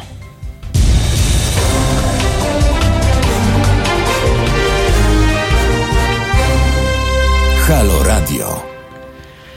Okej, to e, omówiliśmy trochę MDMA i no właśnie, mówiłeś o tym, że ta zawartość tej substancji MDMA w tych, e, chciałam powiedzieć tabletkach, w pigułach. Tak, można, można. Tak? Pixel, tablet, E, talerz. e, ja głównie MDMA mi się kojarzy, znaczy słowo piguły właściwie mi Mhm. się kojarzy z tą taką technopiosenką Weź pigułę. Tak, tak, tak. To jest jakby główne skojarzenie. Pełno jest takich piosenek, jest amfa, techno, techno, amfa, też mnóstwo jest takich. Em, no właśnie, a co do innych e, e, substancji, e, czy też często się w Polsce zdarzają tam właśnie jakieś domieszki takie, Mhm. że one nie są do końca czyste i jak bardzo to szkodzi użytkownikom? Mhm. To wiesz co, jest tak, że mamy na przykład amfetaminę. O, dajmy na to, bo to jest substancja, która jest popularna w Polsce i w Czechach, w Czechach metamfetamina, ale y, współcześnie, nie chciałbym skłamać, ale wydaje mi się, że amfetaminy w amfetaminie, czyli w tym proszku, to jest 10%. Reszta to są właśnie wypełniacze lub y, inne substancje. Y, I jeżeli mówimy o czystości, to podobnie jest z kokainą. Tak samo tej kokainy w kokainie nie jest tak dużo. E, pytanie jest tylko takie, czy mm, to jest e, wypełniacz, czy to jest zamiennik, który jest gorszą substancją. Bo my w Polsce mamy plagę, mieliśmy plagę, może. A co to jest wypełniacz? Ja bym powiedział taki środek, który po prostu ma na celu nadać masę. Czyli mąka na przykład. Na przykład, tylko akurat e, tam się daje różne rzeczy, takie jak na przykład lidokaina. Lidokaina jest używana w pastylkach na ból gardła, bo po prostu znieczula tutaj ból. No i to jest gdzieś jakieś takie coś, że na przykład ktoś e, wciągnie, bo najczęściej to są rzeczy, które w, ludzie wciągają do nosa, on czuje tutaj mrowienie i inne rzeczy, to myśli, że to działa. E, ja na, akurat na tych wypełniaczach nie znam się tak dobrze, Mhm. ale najczęściej to są rzeczy, które po prostu mają nadać masę, mają być białego koloru i nie wzbudzać żadnych podejrzeń smakowych, węchowych, Mhm. takich, żeby po prostu ktoś się nie poczuł, że to jest coś innego. Mhm. A te inne substancje, bo powiedziałeś, że wypełniacze i te drugie, które Tak, mogą bo jakoś tutaj tam... po- podstawową kwestią dla Polski to jest to, co się u nas wydarzyło, czyli plaga dopalaczy. Mhm. I to już jest temat, który można powiedzieć, żyje z nami od 11 lat, bo to chyba był 2008 Mhm. rok, kiedy zaczęła się taka duża popularność.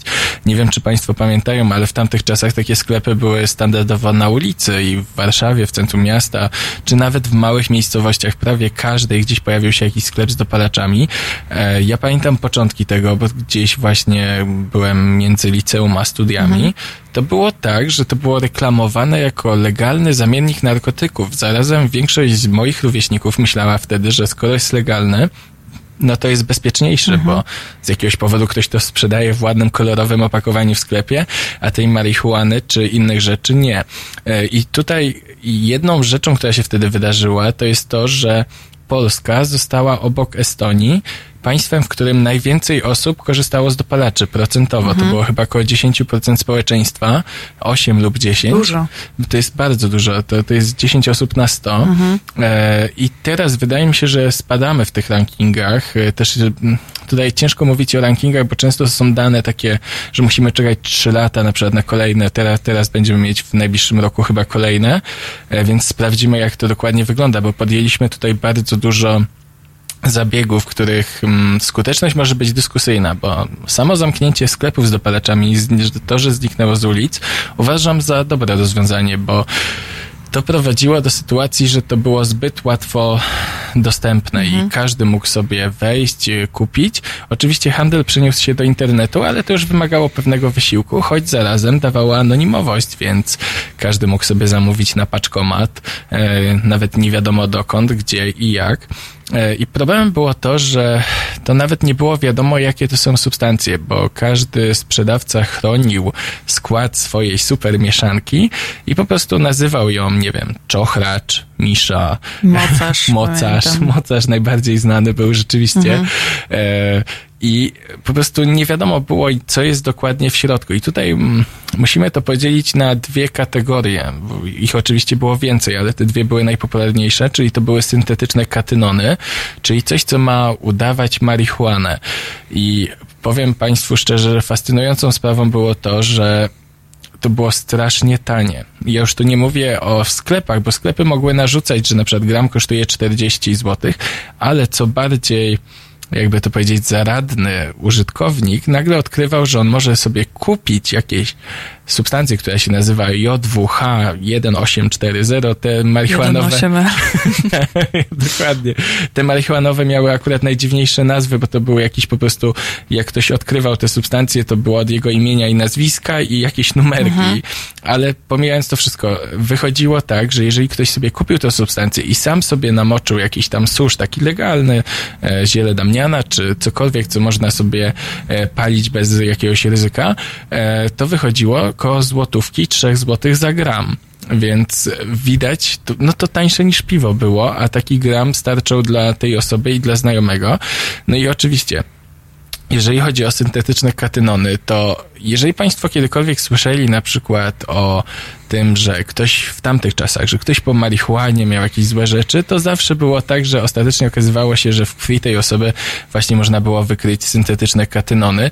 To były substancje, które działają bardzo szybko, bardzo intensywnie, a zarazem były, jakby to powiedzieć, mm, Myślę, że najprościej będzie podać na przykładzie. Robiłem e, niedawno wywiady w Monarze e, z młodymi dość ludźmi, którzy byli tam na rocznej terapii i na przykład zdarzało mi się, że parę osób mi powiedziało, że one korzystały właśnie z tych dopalaczy i same nie wiedziały dlaczego, że to psuło im mocno w głowie i był bardzo dziwny taki stan, ale zarazem ten stan im się jakoś tak podobał, kręcił je i do dzisiaj nie mogą zrozumieć dlaczego. I naprawdę syntetyczne e, kanabinoidy, oj przepraszam, ja chyba wcześniej mówiłem syntetyczne kan- katynony, syntetyczne kanabinoidy są jednymi z takimi substancji, które są najgorzej oceniane. I praktycznie nie spotkałbym się z ich zwolennikami wśród, robię cudzysłów, normalnych ludzi. Ja właśnie widziałam gdzieś to mi się zu- rzu- rzuciło w oczy e, w jakichś tych wykresach właśnie też a propos e, tego, jak bardzo się można uzależnić od jakiejś, jakiejś substancji, to te syntetyczne zioło, że tak powiem tak, tak, naj, najprościej tak się... e, plasowało się w ogóle dużo wyżej niż taka Tak. sama marihuana i w ogóle gdzieś się zbliżało już tam do, do tych opiatów. I Mhm. to było dla mnie takie, tak się zastanawiam, ale jakby o, o co chodzi, co to jest za, za różnica dokładnie? A to jest Mhm. Znaczy- po prostu taki dopalacz. Tak, to, to, to to jest po prostu do, dopalacz. Ich jest, bym powiedział, że na pewno setki, albo nawet więcej, bo jest taki mm, Europejskie Centrum Monitorowania Narkotyków i Narkomanii prowadzi rejestr tego, e, nowych substancji psychoaktywnych i może to Państwa zaskoczyć, ale obecnie w rejestrze to już jest ponad 650 substancji. To jest tak, że nawet e, ja się interesuję tym tematem, a je- wydaje mi się, że jestem w stanie zapamiętać 30, 50 jakichś popularnych i tym bardziej, że popularnych w pewnym czasie. I tutaj nawet rozmawiałem ostatnio z osobami z Krajowego Biura Przeciwdziałania Narkomanii, bo też robiliśmy wywiad. To nie jest też tak, żeby Państwo też nie myśleli, że w danym momencie na rynku jest 650. Najczęściej jest tak, że po prostu krąży 30, 20, 40 jakichś takich, które są znane ludziom, ale takich popularnych są po trzy. Dlatego mieliśmy takie momenty popularności mocarza. Mieliśmy bardzo mm, silny moment, kiedy był popularny mefedron w Polsce e, i później na przykład został zakazany, to później wszedł klefedron, czy inne e, substancje, które starają się naśladować właśnie tą Czyli mefedron to też jest dopalacz. Tak, to, to jest O. nowa substancja psychoaktywna, dokładnie można tak powiedzieć, bo dopalacz to też jest takie słowo, tak jak rozmawialiśmy wcześniej, czy mówić narkotyki, czy substancje psychoaktywne, to w przypadku dopalaczy jest teraz trend, żeby now, mówić na to wszystko nowe substancje psychoaktywne, więc też jeszcze dłużej. I rzeczywiście dopalacz krótko mówi. Każdy, kto usłyszy dopalacz, wie, że to jest narkotyk, którego nie było wcześniej, pojawił się w ostatnich latach. I to nawet nie musi być, że on się pojawił, że został wynaleziony, tylko że człowiek odkrył, że można go używać. Bo na przykład zostały wynalezione, dajmy na to, w latach 30. czy 50. Ktoś to porzucił na wiele lat, a później ktoś nagle, ha, to jest podobne do amfetaminy. I na Spróbuję. tak, tak. I, i po prostu za, za, zaczął to sprzedawać.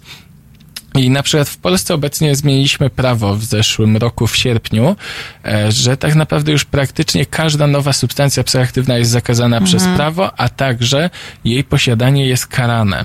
E, Karane grzywną, nie więzieniem, więc to dla mnie, jako osoby, która się interesuje polityką narkotykową, było trochę niezrozumiałe, że za marihuanę, która jest bezpieczniejsza niż syntetyczne katynony, można trafić na 3 lata do więzienia, a za posiadanie e, syntetycznych kanabinoidów można dostać tylko grzywnę. I w ogóle jak e, dostałem od fundacji Watch Dogs e, e, listę mm, tego, czy policjanci na przykład właśnie karają, wychodziło, że jednak ten artykuł a propos dopalaczy jest rzadko stosowany, że jeżeli ktoś miał te dopalacze, to policja puszczała tą osobę wolno. Ra- Raczej mało jest spraw w tym zakresie, bardziej właśnie są sprawy dotyczące marihuany. Ja tutaj kilkukrotnie już się przejęzyczyłem i powiedziałem syntetyczne Tak, katynony, tak, więc też, żeby Państwu wyjaśnić, co to jest, bo to jest bardzo szeroka grupa e, substancji, która ma za zadanie naśladować kokainę i amfetaminę.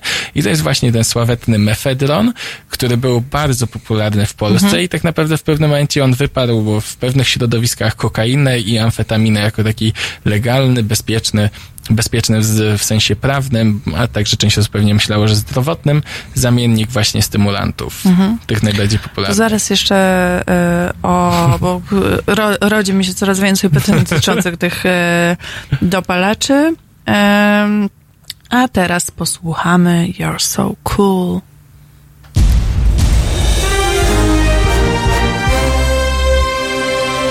Jutro. Między 17 a 19 Wiktor Bater, jego goście i państwo będziecie debatować o polityce międzynarodowej bez mainstreamowego zadęcia. 17-19. www.halo.radio. Słuchaj na żywo, a potem z podcastów.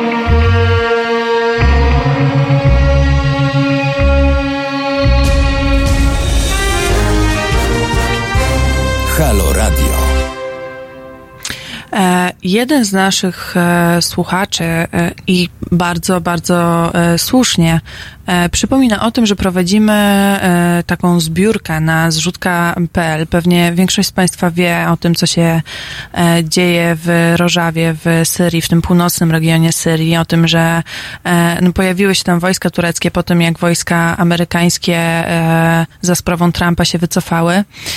I wyjechało też stamtąd mnóstwo e, dziennikarzy. Właściwie nikt już nie informuje o tym, co się dzieje na miejscu, e, a dzieją się tam rzeczy złe i, i straszne przede wszystkim dla samej ludności tego e, regionu.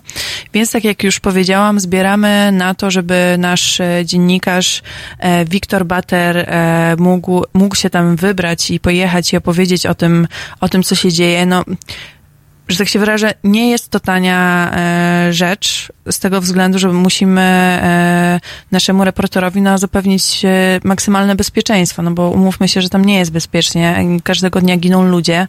Jeśli chcą Państwo się dowiedzieć, co się dzieje na miejscu, to zapraszamy wejść na stronę zrzutka.pl, wpisać e, imię i nazwisko naszego reportera, czyli właśnie Wiktor Bater i tam wyświetli się zrzutka, e, na której będziecie może, na której możecie się dołożyć, o co bardzo prosimy, bo bo po prostu bardzo nam zależy, żeby dowiedzieć się o tym, co, co się dzieje i żeby przekazać to dalej światu. Myślę, że to jest bardzo ważna sprawa. Mm.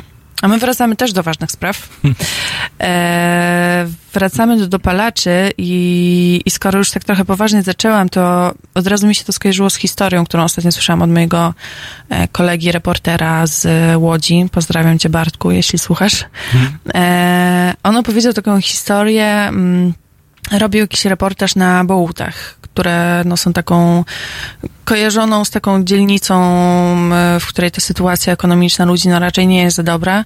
I mówił o mm, rodzicach, o, o matkach i ojcach dzieci, nastolatków, którzy są zrozpaczeni, bo ich dzieci biorą dopalacze i mówią, że właściwie to woleliby, żeby one już alkohol piły, Mhm. bo przynajmniej jakby wiedzą, co się dzieje, a że po tych dopalaczach nie są w stanie nad tymi, e, nad tymi nastolatkami e, zapanować. Czy to jest tak, że te wszystkie dopalacze są tak rozwalaj, rozwalające, bo już że są jakby udające różne substancje. Mhm. Jest to praw... zgodzę się, większość, większość, e, choć w ramach dopalaczy na przykład znalazło się dopalaczy nowych substancji psychoaktywnych, było też kilka z grupy psychodelików, które no, nawet współcześnie po iluś tam latach nie, nie, nie zanotowano jakichś złych rzeczy a propos ich, ale jeżeli chodzi o stymulanty, czy właśnie takie, które udają marihuanę, to każde kolejne badanie, które prowadziliśmy, y, było prowadzone, pokazywało, że są duże szkody zdrowotne z ich używania. E, I nawet przyznam, że nie ma substancji, które byłyby bardzo przez użytkowników tak jakby promowane, wskazywane jako takie, że to naprawdę było coś dobrego. Raczej większość użytkowników korzystała, bo po prostu to jest, to jest łatwo dostępne, to jest tanie. I to jest bezpieczne pod względem e, prawnym. To są takie trzy główne rzeczy, które powodowały, że dopalacze były popularne. E, myślę, że jest jedna tylko substancja, bo teraz to widzimy w momencie, kiedy wszystkie zostały zakazane. E, nagle w Polsce znowu pojawił się mefedron, czyli e, substancja, która zniknęła z rynku, bo już była nielegalna i e, dystrybutorzy woleli mieć te nowsze, legalniejsze rzeczy. A wychodzi na to, że w takim razie ten mefedron był tak dobrze wspominany przez użytkowników, że jako jedyny wrócił i wydaje mi się, że ten mefedron może się stać czymś podobnym jak amfetamina, kokaina, czyli na przykład MDMA e, też jest względnie nową substancją psychoaktywną, która powstała kilkadziesiąt lat temu, e, została spopularyzowana. Tak samo LSD nie było kiedyś e, znane, to jest też z lat 40., e, a popularne było w latach 60. czy 70. I wydaje mi się, że jak na przykład ktoś będzie rozmawiał za jakieś 20 lat, to już mefedron będzie jako po prostu narkotyk, nie jako dopalacz. E, ale jeżeli myślimy o tej kwestii szkodliwości i jak wspomniałaś o tych dzieciach i tak dalej, to jeszcze jedna rzecz mi się zaświeciła w głowie, bo powiedziałaś o tym, że rodzice woleliby, żeby oni pili alkohol, bo znają. I to jest prawda, jeżeli chodzi o wszystkie substancje psychoaktywne, nie tylko właśnie o e, dopalacze, że po prostu my jako społeczeństwo od małego nie mamy informacji na temat tego, jak z nich korzystać albo nie korzystać, bo to od tego zaczynamy tak samo tak y, jak z alkoholem. Y, W przypadku alkoholu mamy zaś od małego informacje, na przykład nie mieszaj, zacznij od piwa, potem wino, potem alkohol, e, potem e, wódka. Są różne takie zasady, których się dowiadujemy od rówieśników albo nawet od rodziców, czy ogólnie z informacji ogólnodostępnych, a substancje psychoaktywne są bardzo obce. E, I tutaj bardzo łatwo jest pomieszać, co jest czym. I nawet podczas tej rozmowy, jak zauważyli Państwo, parę razy się przejęzyczyłem i powiedziałem inną substancję niż miałem na myśli, bo po prostu tego jest bardzo dużo. I ja bym chciał, myślę, że chciałbym żyć w świecie, gdzie tych substancji byłoby mniej. Byłoby na pewno bezpieczniej. A jakie, e, bo wspomniałeś o tych skutkach, e, różnego rodzaju dotkliwych e, skutkach fizycznych, co, co się może dziać po przyjmowaniu dopalaczy? to zdecydowane kwestie będą związane z neurologią. To nawet widziałem właśnie po osobach w Monarze. Psychika plus kwestie neurologiczne. E, te osoby często miały paranoję, miały myśli prześladowcze, że ktoś wszystko o nich wie. To się często zdarzało po dopalaczach, ale właśnie mm, zmiany związane z tikami ruchowymi, na przykład takiej osobie mogłyby się pojawić takie zmiany neurologiczne, e, problemy kardiologiczne związane z sercem, e, z nadciśnieniem, z układem krążenia. I to jest taka chyba złota trójka, czyli psychika, i w ogóle powiem, i to przepraszam, że się zaśmiałem, ale to jest tak, że kwestie psychiczne są tutaj jednym z, no chyba nie ma innych substancji, które tak bardzo negatywnie i tak szybko działają na psychikę właśnie człowieka, jak część z dopalaczy, tutaj szczególnie właśnie tych e, udających zioło, czy udających kokainę.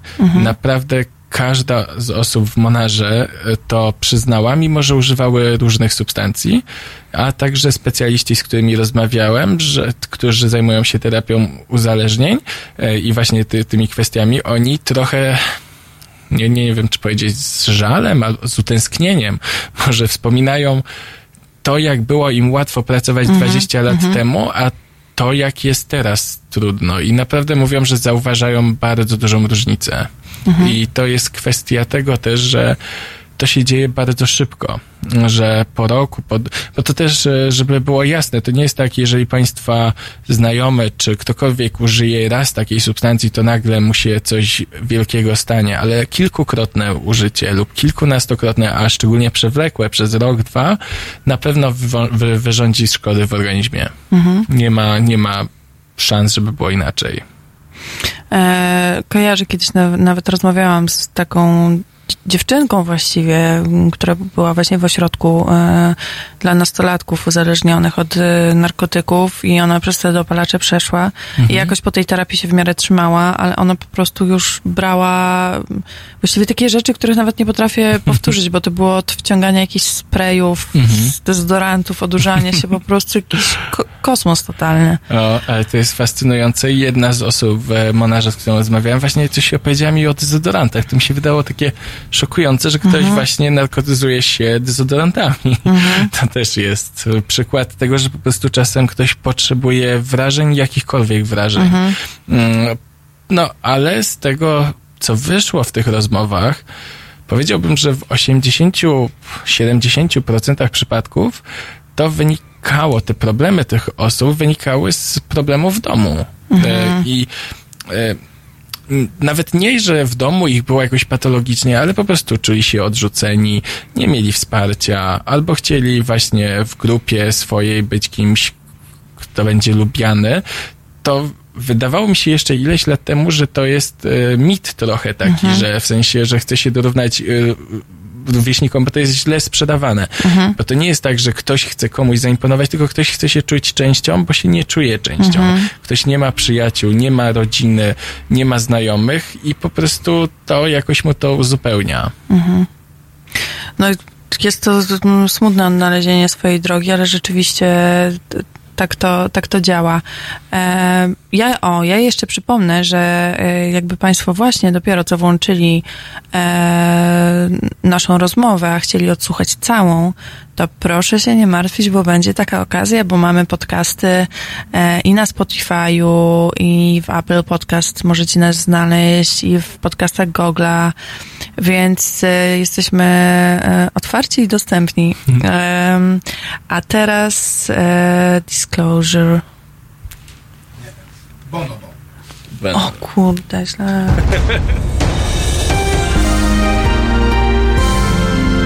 Jutro. Od 21 do 23 telefony od Państwa odbiera Radek Masłowski.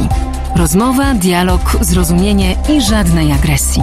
21-23. Zapraszamy. www.halo.radio. Słuchaj na żywo, a potem z podcastów.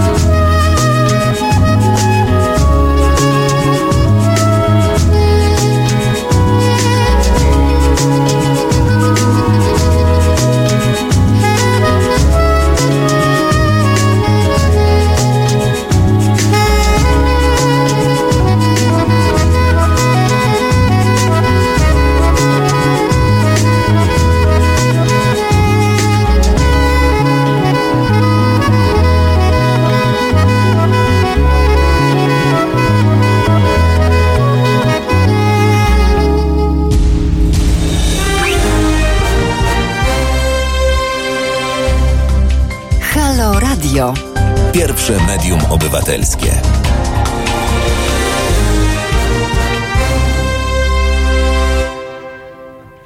E, ja jestem taka pochłonięta tej rozmową i w ogóle tak mi czas e, szybko leci, że zapowiedziałam piosenkę, którą będziemy grać dopiero jeszcze za kolejne 10 minut, a teraz było oczywiście Bonobo, więc e, no, zresztą jak sami pewnie słyszycie i, e, i widzicie, e, gość jest dzisiaj bardzo, bardzo interesujący i po prostu tak nam się rozmawia, że ja odpływam. E, Dziękuję. Tak. Masz odlot. Odlot. Teraz będą jakieś e, Tak, tak, zarzuty tak. pod... e, Dobrze, wszystko się nagrywa, widać, że nic ten. Widzisz, sama po prostu twoja obecność tak działa, więc no, zaraz bo się zapędzę po prostu za bardzo. Em, dobra, e, właśnie rozmawiamy o tych, o tych e, rodzajach dopalaczy, o tym jak się tam różnych rzeczy dodaje, że często nie wiadomo do końca co to jest.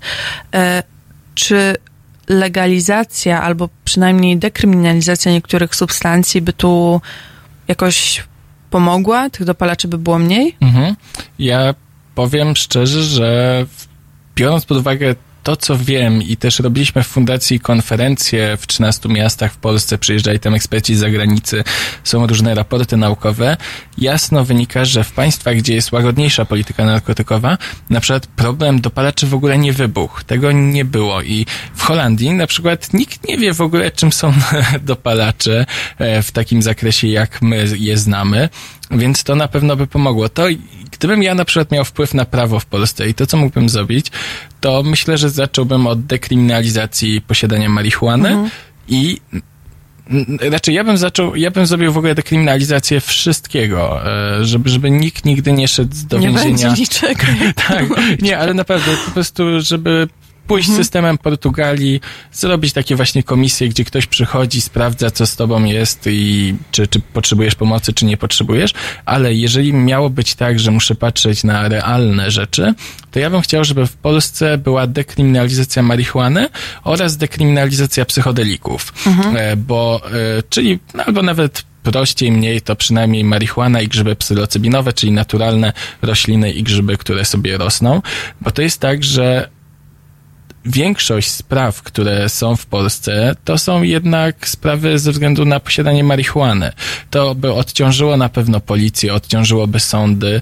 Y, Nie, ludzie też nie mieliby problemów mm, i myślę, że Teraz chyba mamy 3 miliony użytkowników marihuany, 2,5-3 miliony. To jest naprawdę dużo osób, które nie są przestępcami i są państwa takie jak Kanada czy Urugwaj, które już zalegalizowały i które sprzedają, czy niektóre stany w Stanach Zjednoczonych sprzedają to normalnie w sklepach, podobnie uregulowały jak alkohol czy nikotynę. Wydaje mi się, że to jest przyszłość i to jest pewnie przyszłość całego świata, ale nie jestem jakby radykałem i zacząłbym od mniejszego kroku. Wystarczyłoby zrobić dekryminalizację, ale żeby Państwo też wiedzieli, mm, jakie byłyby korzyści z legalizacji, to jest tak, że w przypadku dekryminalizacji to nadal nie wiemy, kto skąd czerpie to swoje substancje, e, czy to marihuanę, więc czasem może być tak, że zasila swoimi pieniędzmi na przykład gangi, które w ten sposób mają środki na swoją działalność przestępczą inną, a w sytuacji, gdybyśmy zalegalizowali, to po pierwsze, każde sprzedawane zioło było, miałoby certyfikat jakości, byłoby z poprawnie uprawianych e, spotów, bo to spoty to są te nielegalne obecnie, ale tam by były po prostu legalne uprawy, na których by zarabiali polscy rolnicy. E, Także byłoby po prostu miejsca pracy w tych wszystkich lokalach, które by to sprzedawały. Ja bym też był raczej za tym, żeby to nie było tak, że to może być w każdym sklepie, w każdym miejscu, tak jak jest współcześnie alkohol. Raczej bym był za budową miejsc po prostu pojedynczych i nawet możliwe za, przynajmniej na samym początku, za pewnym regulowaniem tego przez państwo. Podobnie jak na przykład alkohol jest regulowany w e, Szwecji. W Szwecji chyba w Sztokholmie jest do trzech, albo jed, jeden, albo trzy sklepy monopolowe. E, miałem przyjemność akurat być kiedyś na projekcie unijnym w Sztokholmie i naprawdę zaskoczyło mnie to, że nie ma alkoholu normalnie w sklepach, tylko jest po prostu jeden monopolowy i wtedy odkryłem w ogóle, że nazwa monopolowy, co, co oznaczała, że po prostu państwo ma monopol na alkohol, ale te, też jakoś kiedyś nie, nie myślałem nad tym zbyt długo. E, takie mm, rozwiązanie ma swoje zalety oczywiście, bo osoby nie mają łatwego dostępu, ale z tego, co rozmawiałem z niektórymi Szwedami i widziałem w różnych badaniach, to jest też tak, że taki Szwed nie jest jakby głupi i on po prostu jak już jedzie do tego monopolowego, to on robi sobie e, zakupy na długo i re- regułą w domu szwedzkim jest raczej to, że ma się wypełniony barek, więc to też nie jest jakieś utrudnienie, ale jeżeli jesteśmy w przypadku tej marihuany, to naprawdę, gdyby tak było, że to będą oddzielne sklepy, niech państwo ma nad tym kontrolę, przynajmniej na początku, jeżeli tak się obawiamy tej substancji i nawet mógłbym przyjąć, że byłby rejestr użytkowników. Żeby, jeżeli państwo by się obawiało, że to będzie wyciekać i będą to otrzymywać nie wiadomo jakie osoby, to nawet y, jestem gotów e, i myślę, że część użytkowników też by to Dopisać się do zaakceptowało. rejestru. Tak, dopisać się do rejestru i mieć po prostu kartę, która upoważnia mnie do wstępu do takiego Mhm. sklepu. E, To jest niestety utrata trochę prywatności i też taki rejestr mógłby być przez państwo wykorzystywany w dziwnych celach, może politycznych, na przykład, nie wiem, że można komuś wyciągnąć, że jest użytkownikiem marihuany, Mhm. a może w jego zawodzie to nie wypada, e, ale na pewno to w czymś by pomogło. Choć biorąc pod uwagę, jak to robi Kanada czy Urugwaj, to raczej po prostu nie ma co przesadzać w przypadku marihuany. To naprawdę nie jest tak, że musimy to jakoś bardzo kontrolować, e, a w przypadku psychodelików to jest tak, że te substancje są po prostu od dawna niesprawiedliwie oceniane i tutaj w przypadku tak naprawdę od jakichś 50 lat, myślę, że trochę też za sprawą hipisów i nagonki, jaka była na ten temat, po prostu zostały one zrównane z bardzo niebezpiecznymi narkotykami. Nawet w polskiej ustawie są one e, w, w załączniku, który mówi o tym, że to są substancje silnie uzależniające bez istotnych zastosowań medycznych, co jest w ogóle nieprawdą, bo one nie uzależniają. E, oczywiście mogą być niebezpieczne, tak jak już mówiliśmy w przypadku osób, które mają choroby psychiczne, e, czy po prostu przyjmują je tak, bo po prostu nagle postanowiły sobie zjeść grzyby bez żadnego przygotowania, takie substancje mogą być w pewien sposób szkodliwe i mogą nawet przyczynić się do e, problemów z psychiką krótkotrwałych, długotrwałych, czy to jest trochę tak, jak państwu by się przytrafiło dajmy na to jakieś traumatyczne przeżycie i po prostu państwo później o tym myślą i zastanawiają się nad tym albo potrzebują pójść do psychologa, to w przypadku błędnie użytych psychodelików w nieodpowiednim miejscu albo bez przygotowania, albo po prostu ze względu na jakieś sytuacje, które się wydarzyły, także mogłaby być taka Mhm. trauma. Mhm. Więc tutaj Tak na pewno trzeba... trip Tak, by- tak, by- tak, by tak. po-. Zdecydowanie.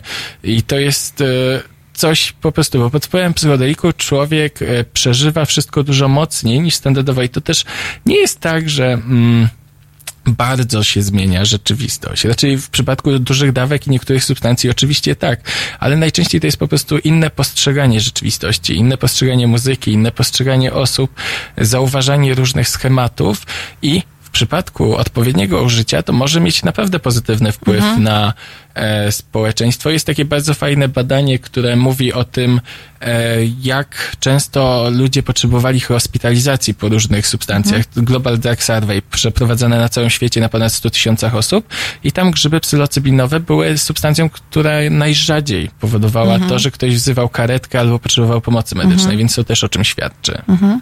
A jakich em, doznań e, po, po na przykład po grzybach się możemy Mhm. spodziewać? Bo mówisz, że to nie jest aż tak e, oderwane od rze- rzeczywistości. Bo mi się przypomniała, wiesz, Las Mhm. Vegas Parano, gdzie tam jakieś e, dinozaury chodziły, czy jakieś jaszczurki. Znaczy, oczywiście to też tak może być. E, To, to, to wszystko zależy od dawki i od predyspozycji, ale najczęściej pod wpływem tej substancji ma się świadomość tego, co jest realne, a co jest nierealne.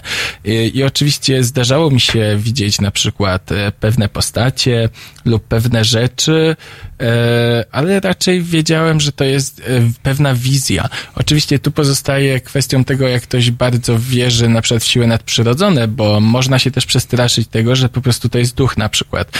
Mi się zdarzyło, że byłem w pewnym pokoju w ciemności i z jakiegoś powodu słyszałem, jak krzesła do mnie mówią, stoły do mnie mówią, szafa do mnie mówi i to były takie jakby realne ludzkie głosy. E, trochę postałem, ale po chwili, przyznam szczerze, że uciekłem, no bo tak zastanawiałem się, że a może to są demony.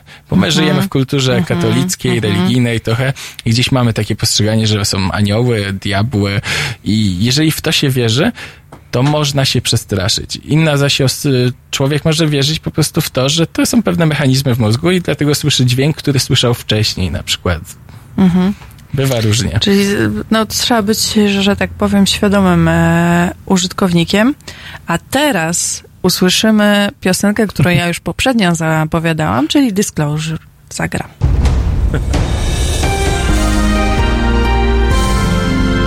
Jutro. Między 19 a 21 reżyser i aktywista obywatelski Bart Staszewski oraz cała gama tematów pod hasłem Prawa osób LGBT. 19.21. www.halo.radio. Słuchaj na żywo, a potem z podcastów.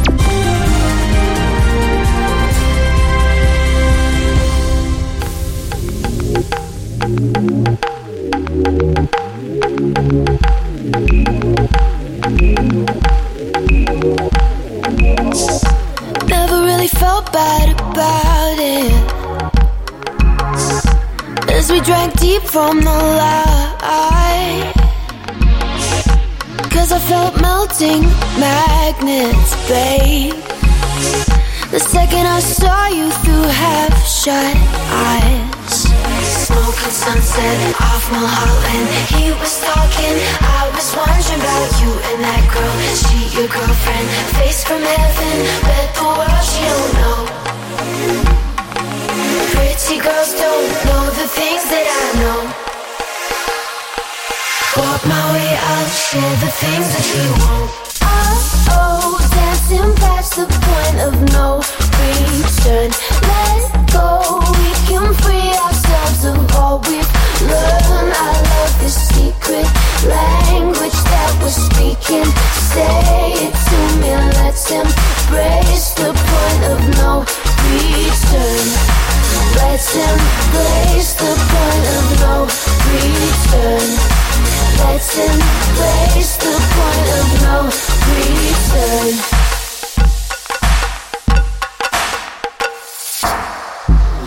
Never really thought we would make it. We'd be thinking about what could have been. But we've had a record summer, can't turn it down. Oh, now I don't wanna see the end begin. Smoking sunset off Mulholland. He was talking, I was wondering about you and that girl. She your girlfriend, face from heaven, bet the world she don't know. Pretty girls don't know the things that I know. Walk my way, I'll share the things that you won't. Oh, oh, dancing past the point of no return. Let go, we can free of we've learned. I love this secret language that we're speaking. Say it to me, let's embrace the point of no return. Let's embrace the point of no return. Let's embrace the point of no return. Let's embrace the point of no return. Let's embrace the point of no return. Let's embrace the point of no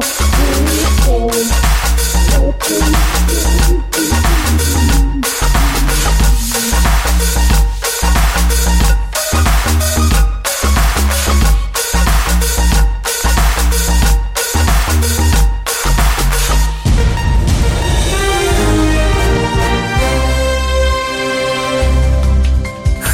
Radio.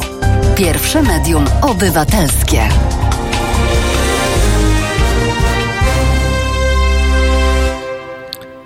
Wybiła 18.49, co oznacza, że niestety zbliżamy się do końca.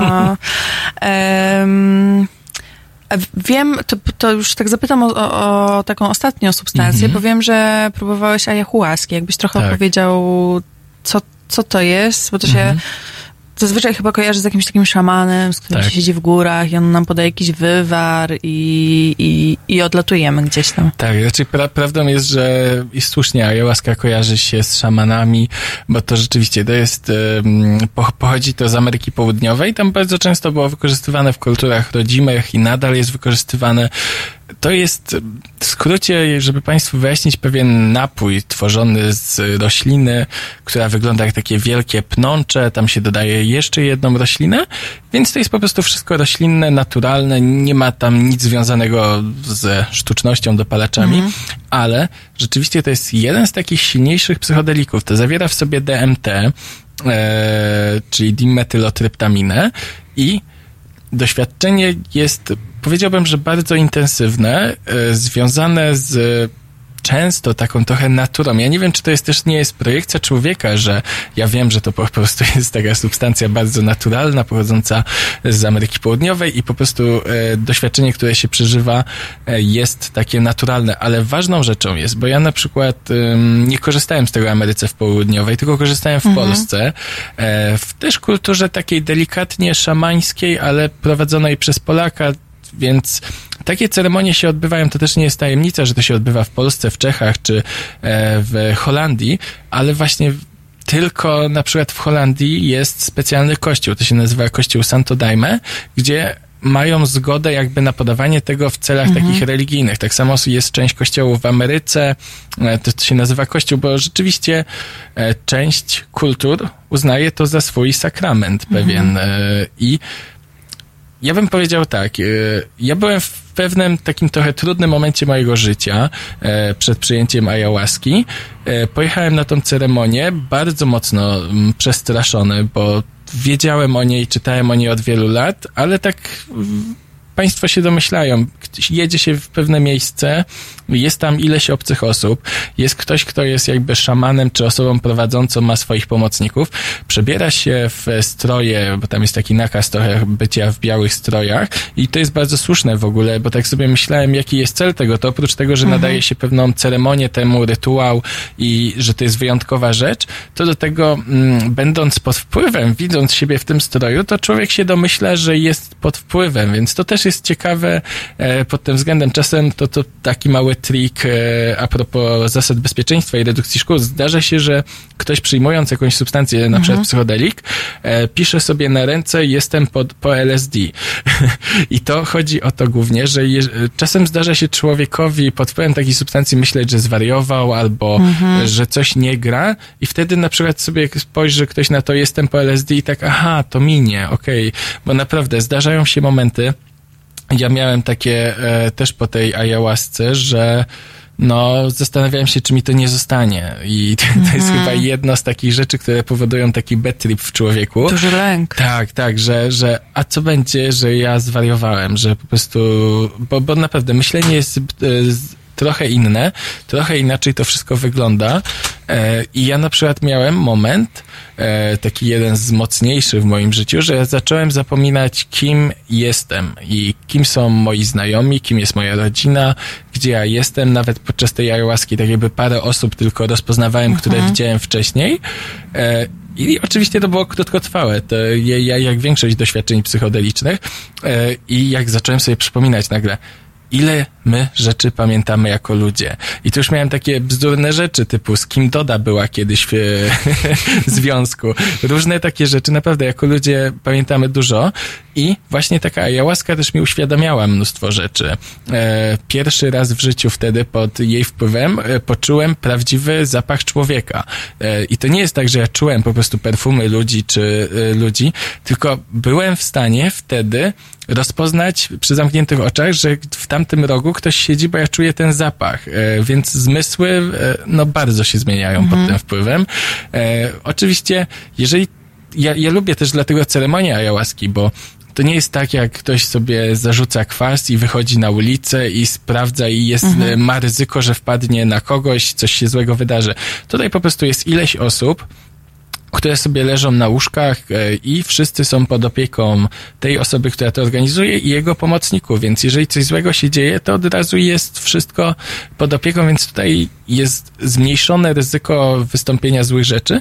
I tu dodam jako ciekawostkę, bo byłem teraz na zaproszenie e, jednej z organizacji w Nowym Jorku na konferencji psychodelicznej i tam e, z jednej organizacji prezentowali raport, a nawet może nie raport, tylko wytyczne dla organizatorów ceremonii ayahuaski, który został zasponsorowany przez rząd e, Barcelony, czyli tam lokalny Mhm. rząd e, tej prowincji całej, e, dla, Katalonii. Dla mnie to było zaskakujące, że rząd Katalonii daje pieniądze na to, jak prowadzić dobrze ceremonię ayahuaski. I oni rozumieją po prostu, że dzięki takim wytycznym jest dużo większa dużo mniejsze ryzyko, że coś komuś złego się stanie, bo takie rzeczy i tak ludzie robią, więc lepiej, żeby robili to według pewnych standardów. Mhm.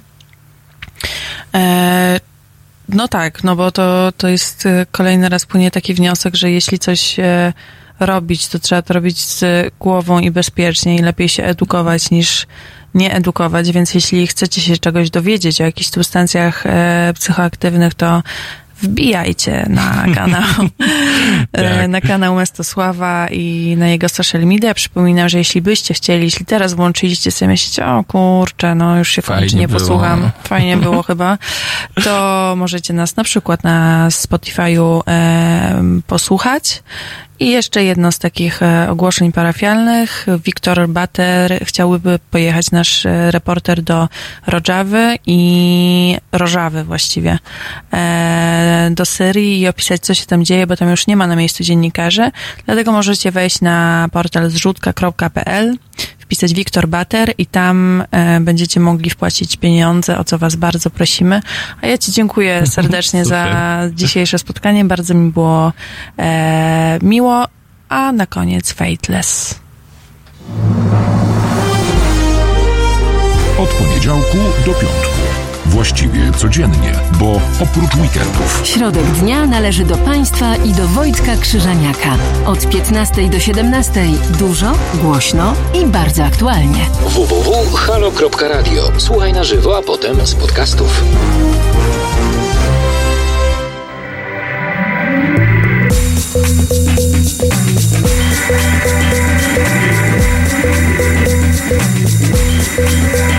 You can sleep forever, still you will be tired.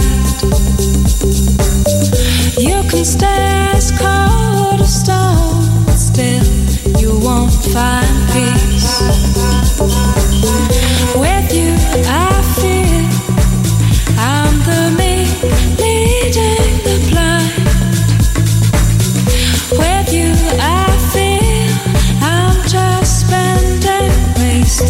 time.